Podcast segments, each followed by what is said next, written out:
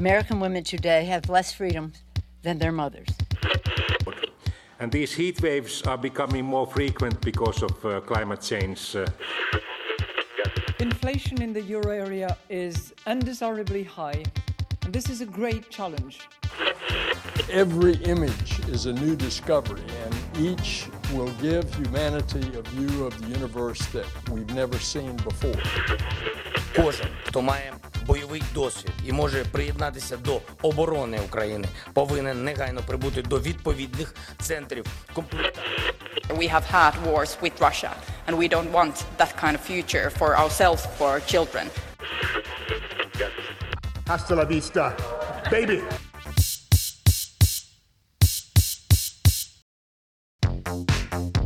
Þú ert að hlusta á heimskviður. Þáttinn um það sem gerist ekki á Íslandi. Ég heiti Birta Björstóttir og ég heiti Sunna Valgeradóttir. Við erum alltaf að kanna framöndu slóðir í heimskviðum eins og eðli þáttarins ber svo sem með sér. Við höfum á þessum fjórum árum ferðast vítt og breytt um heimskortið, skoðað allskynns króka og kema út um alla jörð, en gerum eins og sumir illa áttaðir landakortateiknarar við sleppum Íslandi. Í næstu þáttum ætlum við að einbeta okkur á ákveðnum svæðum á landakortinu, hafa eins konar þemu, sem eru annarkort landfræðileg eða hugmyndafræðileg. Þetta er fyrsti þemaþáttur heimskviða og við færum okkur suðaustur á bógin. Til miðausturlanda þar sem óútreiknarleg plánetan síndi óurlega krafta sína í byrjun vikunar með skelvilegum afleðingum. Við fyrir til Tyrklands, Sýrlands og Sáti Arabíu í síðar luta þáttarins. En við skulum byrja í nágrannaríkinu Líbanon um 500 km söður af upptökum stóru skjáltana.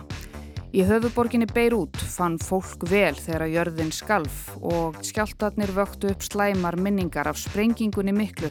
Þá létust yfir 200 manns og þúsundir slösuðust en enn er ekki ljóst hvað gerðist nákvæmlega þennan dag. En Óluf Ragnarstóttir fræður okkur um Líbanon og þá algjöru pattstöðu sem er komin upp í rannsók þessa skrítna máls. Beirut, höfuðborg Líbanons, er stundum kölluð París mið Östurlanda, íðandi af menningu og listum og ljúfengur matur. Og svo er sagt um Líbanon að þú getur skýðað á mornana og svo sólaði á ströndinni og svamlaði í miðjararhafinu setnipartin. Og það er engin lígi. Þú getur skýðað í Líbanonfjalli og kert svo á ströndina á cirka 40 mínútum. En þetta er ekki auglýsing fyrir líbanska ferðaþjónustu, alls ekki. Þessi perla mið Austurlanda verðist að hruni komin, sama hvernig á það er litið.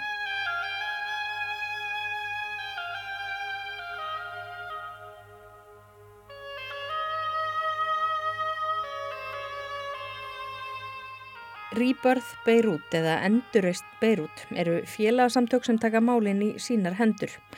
Markmið samtakana er að vekja aftur von í brjósti beirútbúa sem hafa orðið fyrir barðinu og efnaðshrunni og skelvilegum afleðingum sprengingana miklu í ágúst 2020. Á meðal verkefna samtakana er að sinna viðhaldi á götum og koma umferðaljósum í lag. Light is life and this is our motto uh, to bring back light and to bring back life to our city. Ljós er lífið, segir Gabriel Fernein, stopnandi enduristnar Beirut. Það eru þó ekki aðeins umferðaljósin sem þarf að kveiki á að nýju heldur einnig ljósastörar. En af hverju eru félagsamtöku og sjálfbúðaliðar að sinna þessum verkefnum sem stjórnvöld eiga að sjá um? Who should be doing this? The government. Why don't they do it? Because they're not present. They, they're not, all they care about is um, corruption. Vegfærandi sem stendur og horfir á sjálfbóðlega störfum á skýrt svar við þessari spurningu. Stjórnvöld eru fjárverandi. Það eina sem kemst að hjá þeim er spilling. Politískur óstöðuleiki og eitt versta efnahagshrun síðustu 150 ára eru aðeins hluti þess sem íbúar Líbanons glíma við. Gjaldmiðlin er svo gott sem ónýtur og meira en helmingur þjóðarinnar lífur undir fátæktarmörkum. Þetta er staðan og smá tölfræði til þess að varpa ljósi á hversu mikil áhrif efnahagsrunnið hefur á líf fólks. Lámaslaun í Líbanon er um 675.000 líbanskar lýrur á mánuði. Fyrir efnahagsrunn jafngildi það 450 bandarækjadólarum. Núna nær upphæðin ekki eins og 20 dólarum. Þá hefur matvælaverð hækkað um 700% frá 2019. Vopnaður maður hjælt starfsfólki banka í Beirut, höfuborg Líbanons í gíslingu í nokkra klukkustundir í dag. Hann ætlaði ekki að ræna bankan, heldur krafðist þess að fá að taka út sitt eigið sparifi. Samkvæmt gældirishöftum sem Sæðlabankin í Líbanon setti haustið 2019 getur fólk aðeins tekið út takmarkaða upphæð á mánuði af reikningum í erlendri mynd. En um 75% allra bankareikninga í Líbanon eru í bandarækjadólarum. Þess vegna hefur fólk ítrekkað mætt vopnaði banka og krafist þess að fá í hendur sína eigin peninga. Og það gerði Bassam al-Sheikh Hussein sem átti um 200.000 dollara á sínum reikningi. Hann vildi taka út 5.000 dollara til þess að greiða sjúkrahúsreikninga föður síns. Honu var neitað og hann gekk inn í útibúið, vopnaður bissu og bensinbrúsa og held fólki í gíslingu í 6 klukkustundir. Hann var ekki ákjærður og fekk á endanum að taka út 35.000 dólara. من قلبي سلام لبيروت وقبل للبحر والبيوت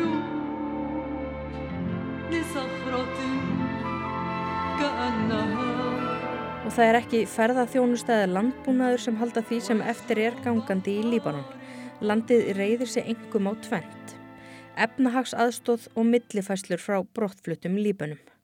Árið 2020 komum miljardur dollara til Líbanon frá stopnunum saminuð þjóðana sem er jafn mikið og fjárlög landsins sama ár.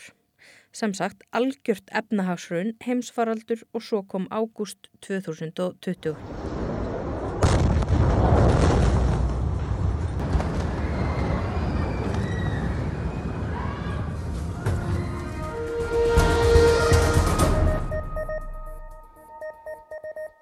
Gott kvöld. Yfir hundrað eru látin og þúsundi slasaðar eftir tvær stóra sprengingar í Beirut höfuborg Líbanons í gær.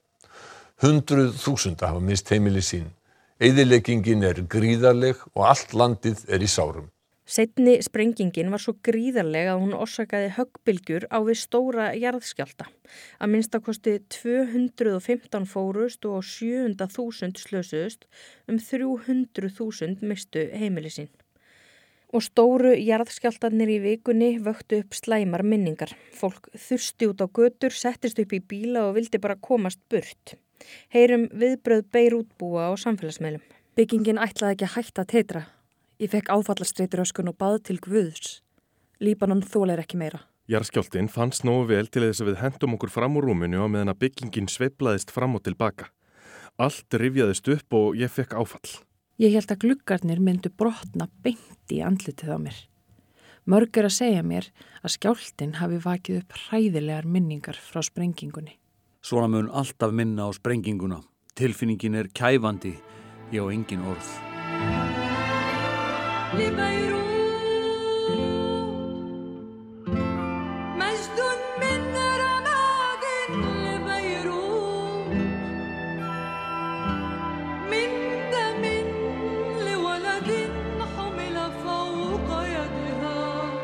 Eitt og hálft ári liðið og enn hefur ekki verið leitt til lykta hvað nákvæmlega gerðist hennan örlegaríka dag í ágúst 2020.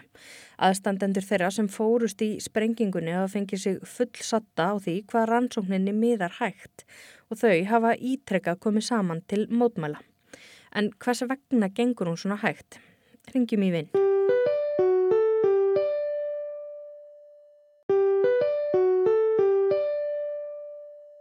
Ég heiti Híðan Haldursson, uh, ég vinn í uppsengamálum hjá Alþjóða heilbyrjusmálastofnunni og ég bjó í Líbanon í þrjú ár, uh, 2015 til 2018. Þetta er rauninni algjörlega viðbúið minnstur. Sá sérstakki saksóknari sem var settur yfir ansóknina, hann er nummer tvö í þessu ferli að því að hinn var sett fyrir af og þeir sem að fengan settan af voru meðalannans þeir sem að rannsóknin beinist að.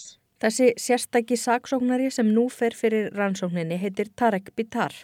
Það kom dálitið eins og þrjum ár heiðskýrulofti þegar hann leti sér heyra undir lok síðasta mánadar eftir að hafa leiðundi feldi í meira en ár. Þá tilkynnti hann um átta nýjar ákærur og meðal þeirra sem hann vill ákjara er Gassan Ouidat, ríkissaksóknari landsins. Ouidat hafi áður sagt sig frá öllum málum tengdum rannsókninni því máur hans og fyrrum vinnumálar á þeirra var ákjærður. Hann er að kalla til yfirheyslu fólk í valda elitu landsins og það sem að gerist svo núna sem er í rauninni bara lagatúlkunar ákvæði hvar uh, í rauninni heimildir mismunandi domstóla liggja. Uh, Ríkisaksóknara er meðal þeirra og líka reyndar fyrirverandi fórststræðara eru meðal þeirra sem hafa verið kallaðir til yfir heyslu uh, en það sem að svo gerist núna er að ríkisaksóknari hann sakar þennan sérstakasaksóknara sem er að vinna rannsóknina um að fara út fyrir valdsvið sitt og í rauninni sakar hann um vanhæfi að því að hann vill ekki bera yfirheyslu, þess að hann vill ekki koma til yfirheyslu sjálfur. Þessar yfirheyslur áttu að hefjast í vikunni en ekkert verður af þeim í byli þar sem Bitar hefur frestað þeim um óákveðin tíma. Bitar segir nöðsynlegt að geta treyst á samvinnu ríkisaksóknara til þess að geta haldið rannsókninni áfram.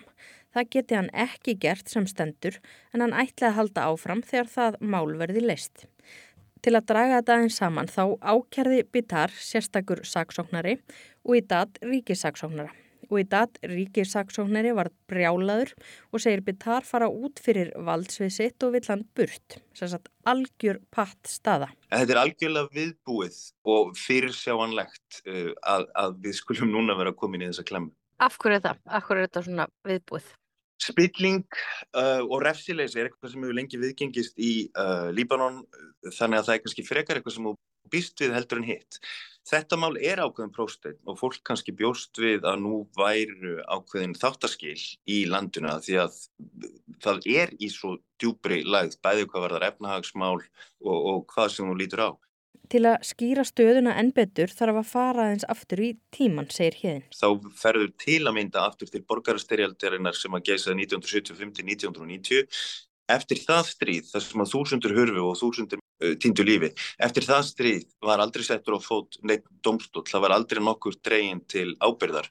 Þvert á móti, þeir stríðsherrar sem að þar gengdu hlutverkum í því stríði, þeir gegna í dag ennbættum eða sæta ákveðinni friðhelgi. Þannig að það sem við erum að sjá núna er í rauninni bara valda elitan að verja sig og kerfið að verja sig en eina ferðina.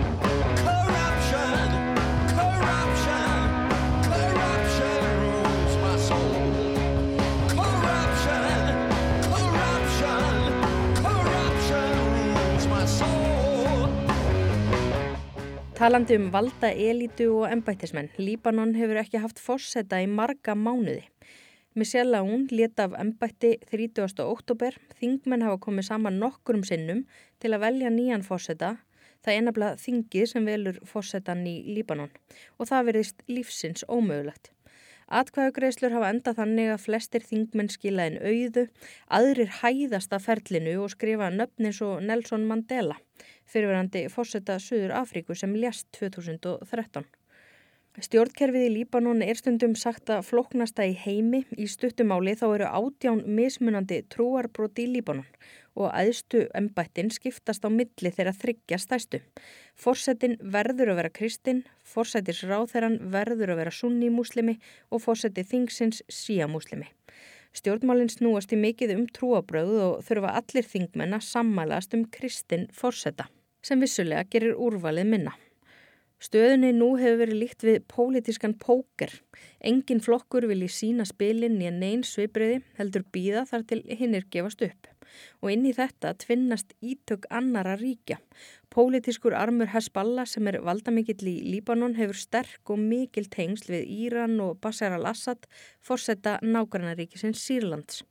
Á meðan tengjast aðrir flokkar Sáti Arabíu sem er óvinnur Írans eða þá Vesturlöndum. Og að þú ætlar að uppræta það og vinda ofan að því það er eftir með starra verkefni þannig að það sem við erum að sjá spilast út núna þessi byrtingarmynd, þessi rannsók sem að kemur sem afleðingarsprengjunni, þetta er rauninni bara byrtingarmynd á mjög brotnu kerfi sem að aldrei nokkuð tíman hefur tekist að, að, að í rauninni uppræta eða, eða breyta.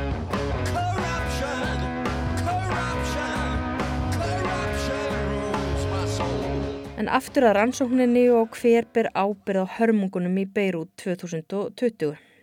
Getum við gengið út frá því að Bitar, sérstakki saksóknarinn, vinni af heilindum.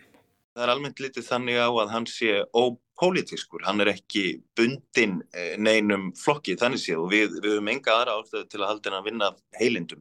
En eins og ríkisaksóknarinn, hann er uh, hins vegar, það má líta á þannig að við ætlum að einfalda hlutina að hann sé að ganga erinda ákveðina afla sem er þá valda elitan sem að á þessi ítök, ítök í landinu.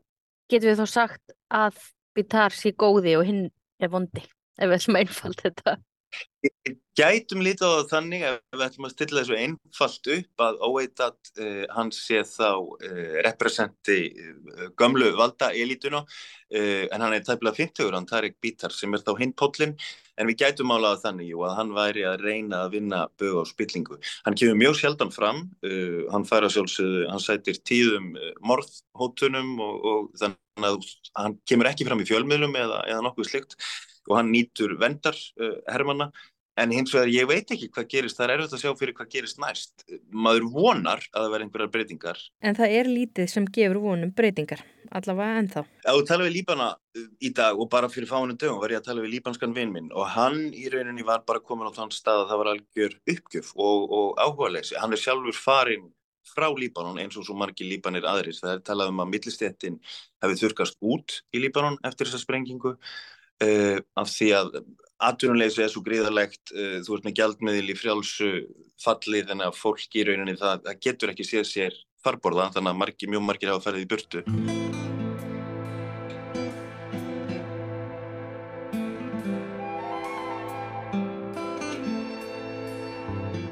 Þessi flótti Líbana frá heimalandinu breytir líka samsetningu samfélagsins en í Líbanon búa um 5,5 miljónir. Líbanon er enn í dag það land sem er með flesta flótamenn með höðatölu. Þú ert með ennþá, ennþann dag í dag 1,5 miljón sírlendinga. Þar fyrir auðvitað ertu með palestínumenn. Þannig að innbyrðis í þessu landi þú ert með lækandi fólksfjölda og færri og færri líbana. Þannig að upp á þetta tapl, upp á þessa demografíu og upp á það hvar völdin liggja og hvernig landið er samsett, það er að breytast til langt fram að því að líbanirnir er að fara og þannig að palestínumenn og sírlendingar innan Líbanon, þeirra hópar eru að stekka. Kanski í lókinn bara ef ég spyrði að náttúrulega bjóst þarna í þrjú ár og þekkir örgulega fullt af fólki þarna. Eh, ertu í sambandi við ykkur og hvernig er hljóðið í, í þeim? Jú, ég er í sambandi við vinnum mína í Líbanon og hljóðið er slæmt þeir sem hafa geta komið sér í burtu eru búin að koma sér í burtu eða þú ert með líbansk laun þar að segja í líbanskum gjaldmiðli þá er mjög erfitt að draga fram lífið í Líbanon í dag. Þeir sem að fá borgað í erlendum gjaldmiðlum eru eins og er mun betur settir. Tónnin í fólki, hann er í rauninni bara uppgjöf, uppgjöf, reyði og ákveði vonleysi þegar fólk hafði vonast til að með tilkomið þessa sérstakar ríkisaksóknar að þá væri hægt að brjóta blað og þá getur eitthvað breyst. En hins vegar þegar fólk horfir upp á og það eru endalust settir steinar í götu hans og reyndað hindra að þessi rannsók getur farið fram, þá er henni bara eikst vonleysið að því að það vilist engin breyting ætla að verða.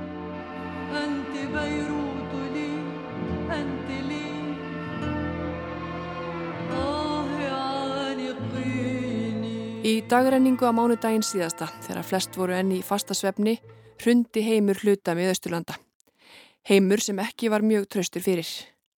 Tveir mjög öflugir jarðskjáltar riðu yfir Tyrkland og Sýrland með skömmu millibili og fundust þeir mjög víða. Meðal annars einmitt í Beirut þar sem íbúar voru myndir heldur óblíðilega og trámað eftir sprenginguna. En þetta var ekki sprenging. Jörðin hafi ripnað innanfrá. Ég ringdi til Sáti Arabíu og náði tali af jarðeðlisfræðingi sem starfar þar í ringa miðju rannsókna, viðbræða, gagna, ablana og upplýsinga í tengslum við þessar hræðilegu hamfarir. En ástandið það breytist hratt.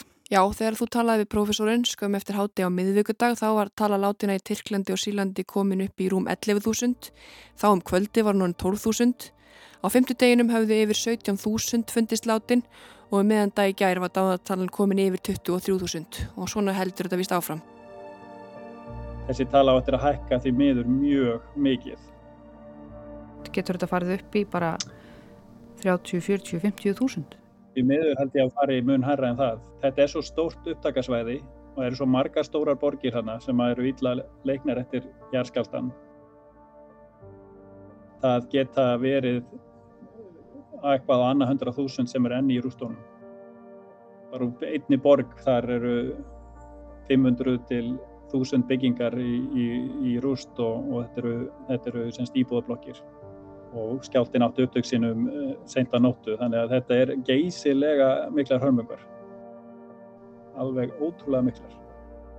Það ripnaði sprunga alltaf 6 metra breið og 200 til 300 kílometra laung og við erum bara rétt að byrja afleðingarnar halda bara áfram að koma í ljós því miður eins og jarðeðlisfræðingurinn bendir á. Ég heiti Sigurjón Jónsson og er professor í jarðeðlisfræði við Tekniháskóla Abdullah Konungs, King Abdullah University of Science and Technology, eða KAUST, sem er staðsettur við strendur Rauðahafsins í, í Sáti-Arabíu, stutt frá borg, stóri borg sem heitir. Og þar er ég stattur núna og, og eh, við höfum verið að skoða upplýsingar frá þessum hrikalega atbyrði í Tyrklandi Eh, eins og þær upplýsingar koma inn bæði frá okkar einn mælitækjum og annara mælitækjum og erum að reyna átt okkur á því hvað hefur gest um, maður eru auðvitað lítill fram, þegar maður stendur fram við, fyrir fram að svona mikla hörmungar og, og finnst maður lítið geta gert. Þannig að við erum nú aðalega að skoða svona vísindarlega hliðin á þessu en auðvitað er það fólki á svæðinu sem þarf sem allra mestra hjálp og sem allra fyrst Hann er ekki bjart sín og undirstrykkar ítrekkað hversu gífurlega miklar hörmungar þessir tveir skjáltar voru. Þetta er bara svo óyfirstíganlegt verkefni þegar það eru sagt, hundruðir þorpa og bæja bara á svæði sem er kannski 400-500 kílometrar eh, langt og næstum já breytt sem að hafa orðir skemmtir. Það hrunir líka í borgum sem er talsveit frá upptakarsvæðinu eins og Adana og Diyarbakir og niður í Aleppo í Sýrlandi og það var mikill hristingur eins og þú segir nýri í Líbanon og fannst allavega nýri í Kæró. Mér langar að náttúrulega fyrst og fremst að, að tala við þig um uh, Tyrkland og, og stöðuna þar og hvað það er sem er raun og veru gerðist þarna. Það er, við erum með svona tektoníska plötu sem er kallað Arabíufleikin annars vegar og hins vegar erum við með Tyrkland sem er að mestu leitið síðan eigin tektoníski fleki, ekki mjög stór, kallað Anatóliufleikin og þarna á þessu svæði eru þessir e, flekar að færa hliðrast og við, við sagt, með, við annan. Þeir eru ekki að klessa mjög saman eins og maður hefur á sumu stöðum eða færast í sundur, þeir eru svona hliðrast e, með við hvern annan og ekkert mjög hratt.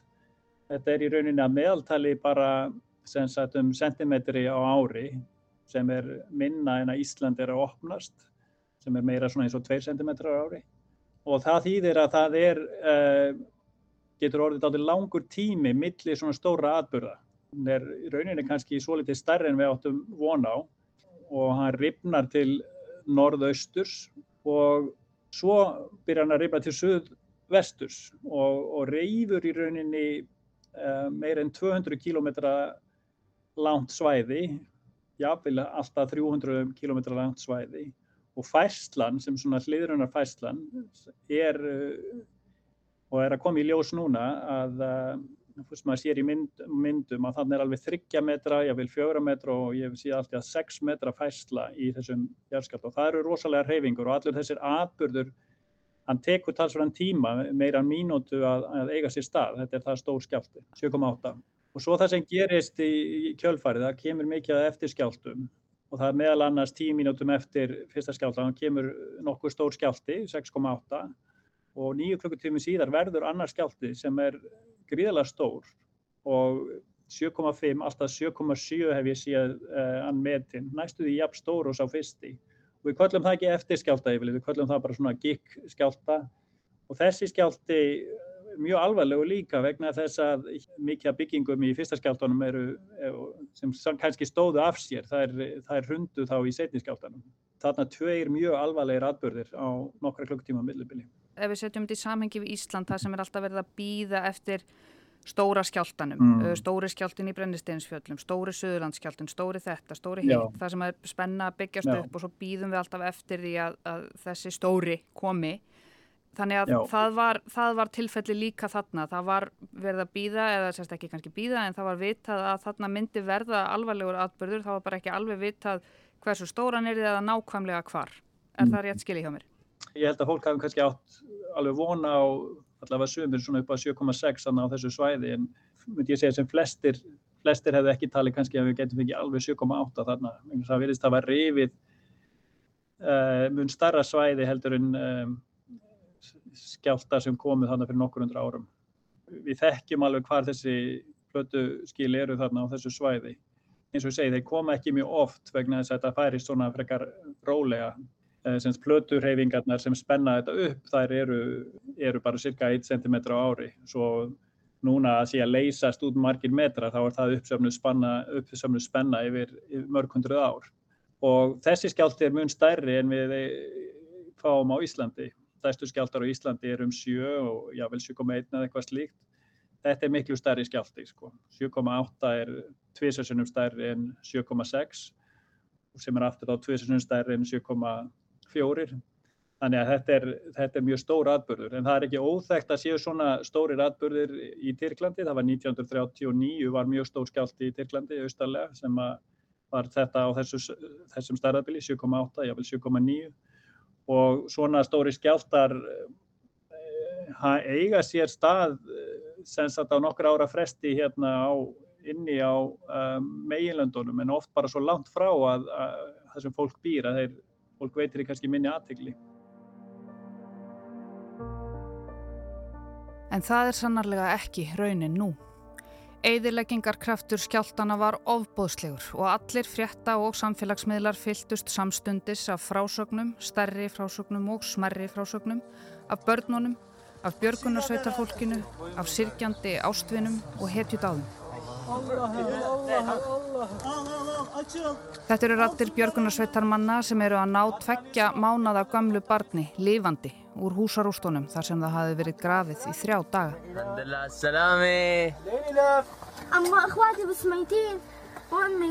Og hér heyrist í lítilli stúlku sem bjargaðist undan steinunum. Hún segist ekki mikið slösuð sjálf en bendir björgunarsveitarmönnunum á að bæði mamma hennar og sískinni séu dáin undir rústunum.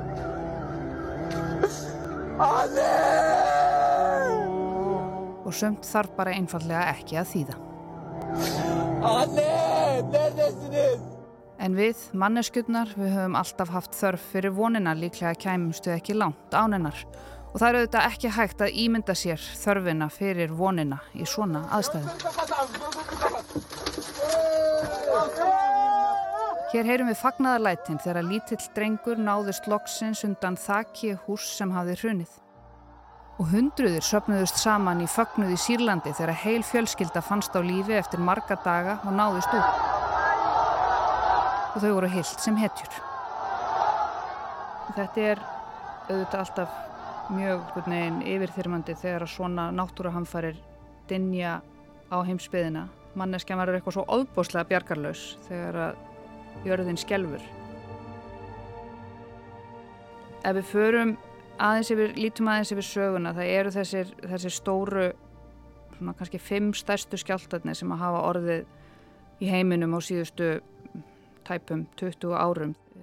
Í Kína, hann var á stærðinni 8 í mæ 2008, svo er það Haiti náttúrulega, þar sem að 220.000 manns letur lífið, hann var 7 og svo náttúrulega muna líklega mörg eftir uh, Indonésiu á annan í jólum 2004 og 230.000 manns letu lífið.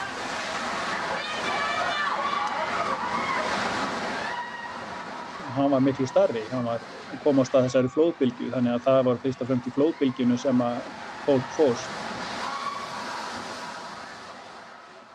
Eh, það er í Íran 27. desember, líka annan í jólum, árinu áður, 6,6. Hann átti upptök sín alveg bara við 100.000 manna bæ held ég, BAM, og þar fórust átti 30.000 manns Þannig að það var ekki mjög stór skjálti en hann var bæði grunnur og átt upptök sem verið beint undir og þar var, voru húsbyggingar þannig að það stóði skjáltan mjög illa. Og svo var það skjáltin í Nepal 7,8, jafnstór og, og þessi sem var núna í, í Tyrklandi. Þar er, er innlandsflekin að keira inn í heimalægafjöllin, þannig að þar eru, eru plötunar að koma saman. Ég myndi segja ef við ættum að bera þetta sama við hýna skjáltana, ég segir eru líkir að því leitinu að þarna voru, voruð miklar hörmungar en mörgu leiti frá svona jarfæðilegu sjónamið er margt ólíkt með þeim. Víða í Tyrklandi er ágætlega byggt og staðlar nokkuð góðir en þetta er, þetta er mjög stór atbörður.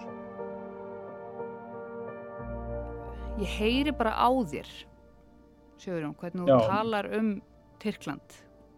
Þú ert náttúrulega stattur þarna væntanlega í einhvers konar ringiðu uh, upplýsingaflæðis þar sem að fólk er að, að bregðast við og rannsaka og, og einhvern veginn reyna að, að svo í sletti meika einhvern veginn sens af því sem að er að gerast þarna. En ég heyri á þér að, að þetta er að við erum ekki einhvern veginn nánast byrjuð að skrappa yfirborðið á, á þessum afleðingum Nei, það er, maður hugsa sér oft sko að það er frábært að vera að senda einmitt svona teimi til að hjálpa til við rústabjörgun en kannski kemur eitt teimi og vinnur á við, að, við eina byggingu en það eru fleiri þúsundir byggingar sem hafa hrunið í, í Tyrklandi. Skalin á þessu er svo ofsalega stór því miður. Þetta er, það er bara mjög mikil upplýsingaflæði milli vísitamanna á Twitter til dæmis. Nú er það að verða aðal svona hraði samskiptamátin og mikið af upplýsingum sem er að koma núna í mitt ljósmyndir af, af svæðinu. Ég er vissulega ekki alveg í ringuðinu, ég er ekki alveg á staðnum en ég er tyrkneskur samstagsmaður minn er hérna í heimsókn í 15 daga og hann er að kemur með heilmækar upplýsingar inn í okkar umræður hérna og er í beinu sambandi og á tekir fólk hérna á upptækarsvæðinu og samstagsmenn hans eru farnir á upptækarsvæðið að skoða, skoða vesumerki auðvitað, já, það er mikið, mikið að gerast og allir svona reyna aðeins að leggja hönd og blóð þó maður geti í rauninni, geti svo lítið gert sem er auðvitað nefn að reyna bara að sapna upplýsingum og, og, og átta sig á þessum, þessum, þessum atbörðum. Sko þegar þetta gerist Fréttastofa Ríkisútarsins býður góðan dag. Í dag er mánudagur 7. februar. Þá komu fyrstu tölur Hundruð eru látin eftir að jarðskjálti 7,8 að stærð reyði yfir Tyrkland í nótt en óttast er að mun fleiri hafi látist. Síðan hækkar það upp í 1000, síðan hækkar það upp í 3000, síðan hækkar svo markfaldast þetta og núna eru við einhvern veginn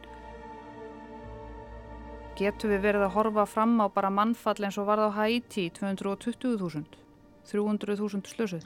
Ég held að sé bara því meður mjög mikið eftir að koma í ljós þegar skjáltir á þessi stað þá fekk ég um bara SMS og, og þegar ég sá að þetta var 7,8 þegar skjált á þessum stað þá vissum maður náttúrulega að hér var orðin gríðarlega alvarlegur atbyrður. Tyrkland er eitt virkasta jarðskjáltasvæði heims, 17.000 manns létust árið 1999 þegar skjálti af stærðinni 7,4 reið yfir þar í landi. Og Tyrknesk stjórnvöld hafa verið gaggrín meitkið fyrir að, að bregðast ekki hrætt við uh, atbyrðunum. Þetta er bara svo svakalegu skali þegar þú kemur með eitthvað, eitthvað og komið með þúsund manna lið á svæðið að, að reyna rústabjörgun, þá er þetta bara fleiri, fleiri þúsund byggingar sem hafa hrunið. Það er yfir síðustu tölur sem var reynda frá því gær voru talað um að vera yfir 6.000 byggingar sem hefur hrunið og margar þeirra eru, mjög margar þeirra eru, eru sem sagt 6 til 8 hæða íbúðablokkir. Hún bara skjóta það í til dæmis borgin í Maras þar sem voru þúsund byggingar sem hrundu og flestar eru þetta, svona sex hæðir, tvær, þrjár íbúður að hverja hæð og kannski fjórir í hverju íbúð. Þá getum við farið að á strax komið 2000 sem eru þar farnir. Þetta er líka mjög erfitt svæði, þetta er kallt, það er, það er búið að snjóa þannig að talsveit í gær eða ringdi það sem að var ekki eins hátu til galla, það er snjór í fjöllum, það er hittastægið er fyrir neðan frostmark á næturnar, vel fyrir neðan frostmark. Það er ekkert auðvelt að vera úti við.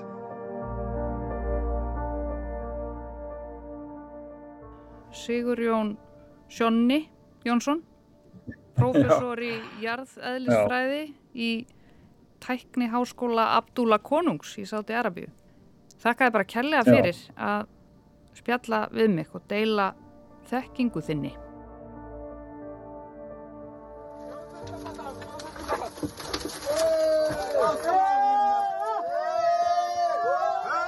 Það er alltaf von og þó að hún farið þverrandi víða með hverjum klukkutímanum sem líður. Og eins og Sigurjón bendir á þá hækkar tala látina líklega hræðilega mikill frá því sem nú er en það er strax orðið ljóst að það mun taka ár og ára tugi til þess að græða sárin sem þessir skjáltar byggu til og sum sár auðvitað gróa aldrei. En ég ætla þó að skilja ykkur eftir með smá vonarglætu í brjósti og leif ykkur að heyra í björgunarsveitarmanni í Sýrlandi sem er að stappa stálinu í lítinn dreng á gíska fjögur ára sem er fastur undir grjóti. Tamam, tamam,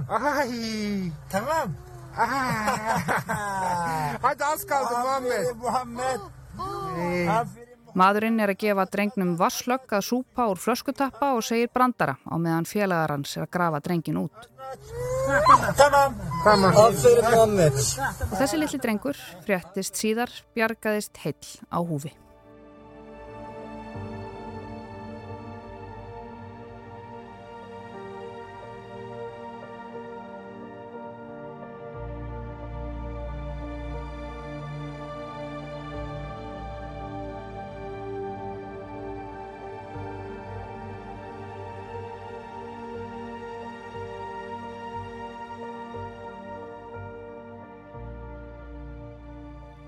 Þetta verða að loka orðin í heimskviðum þessa vikuna. Við verðum hérna aftur á sama tíma í næstu viku. Takk fyrir að hlusta.